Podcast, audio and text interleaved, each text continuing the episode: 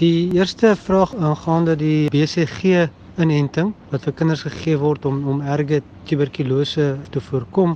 En dit is 'n teorie wat ek dink in Nederland begin is. Daar's 'n studie wat in Nederland gedoen word daarop, um, as ook in Australië is daar 'n studie nou en ons begin hier by by Tygerberg Hospitaal ook met 'n studie om te kyk of dit wel infeksie kan voorkom of dan indien nie voorkom nie, miskien verergering na infeksie kan voorkom. Dis alles teoreties en ons geen bewyse dat dit enigsins sal werk nie, so dit moet eers getoets word.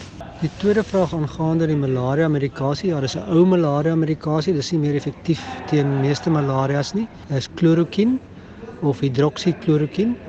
En daar is sedert die uitbreking in China alreeds uh, gesê dat hierdie medikasie moontlik antivirale aktiwiteit het en dat dit moontlik kan help. En daar's vreeslik baie geskryf hieroor en daar's maar baie min regte goeie navorsing wat gedoen is.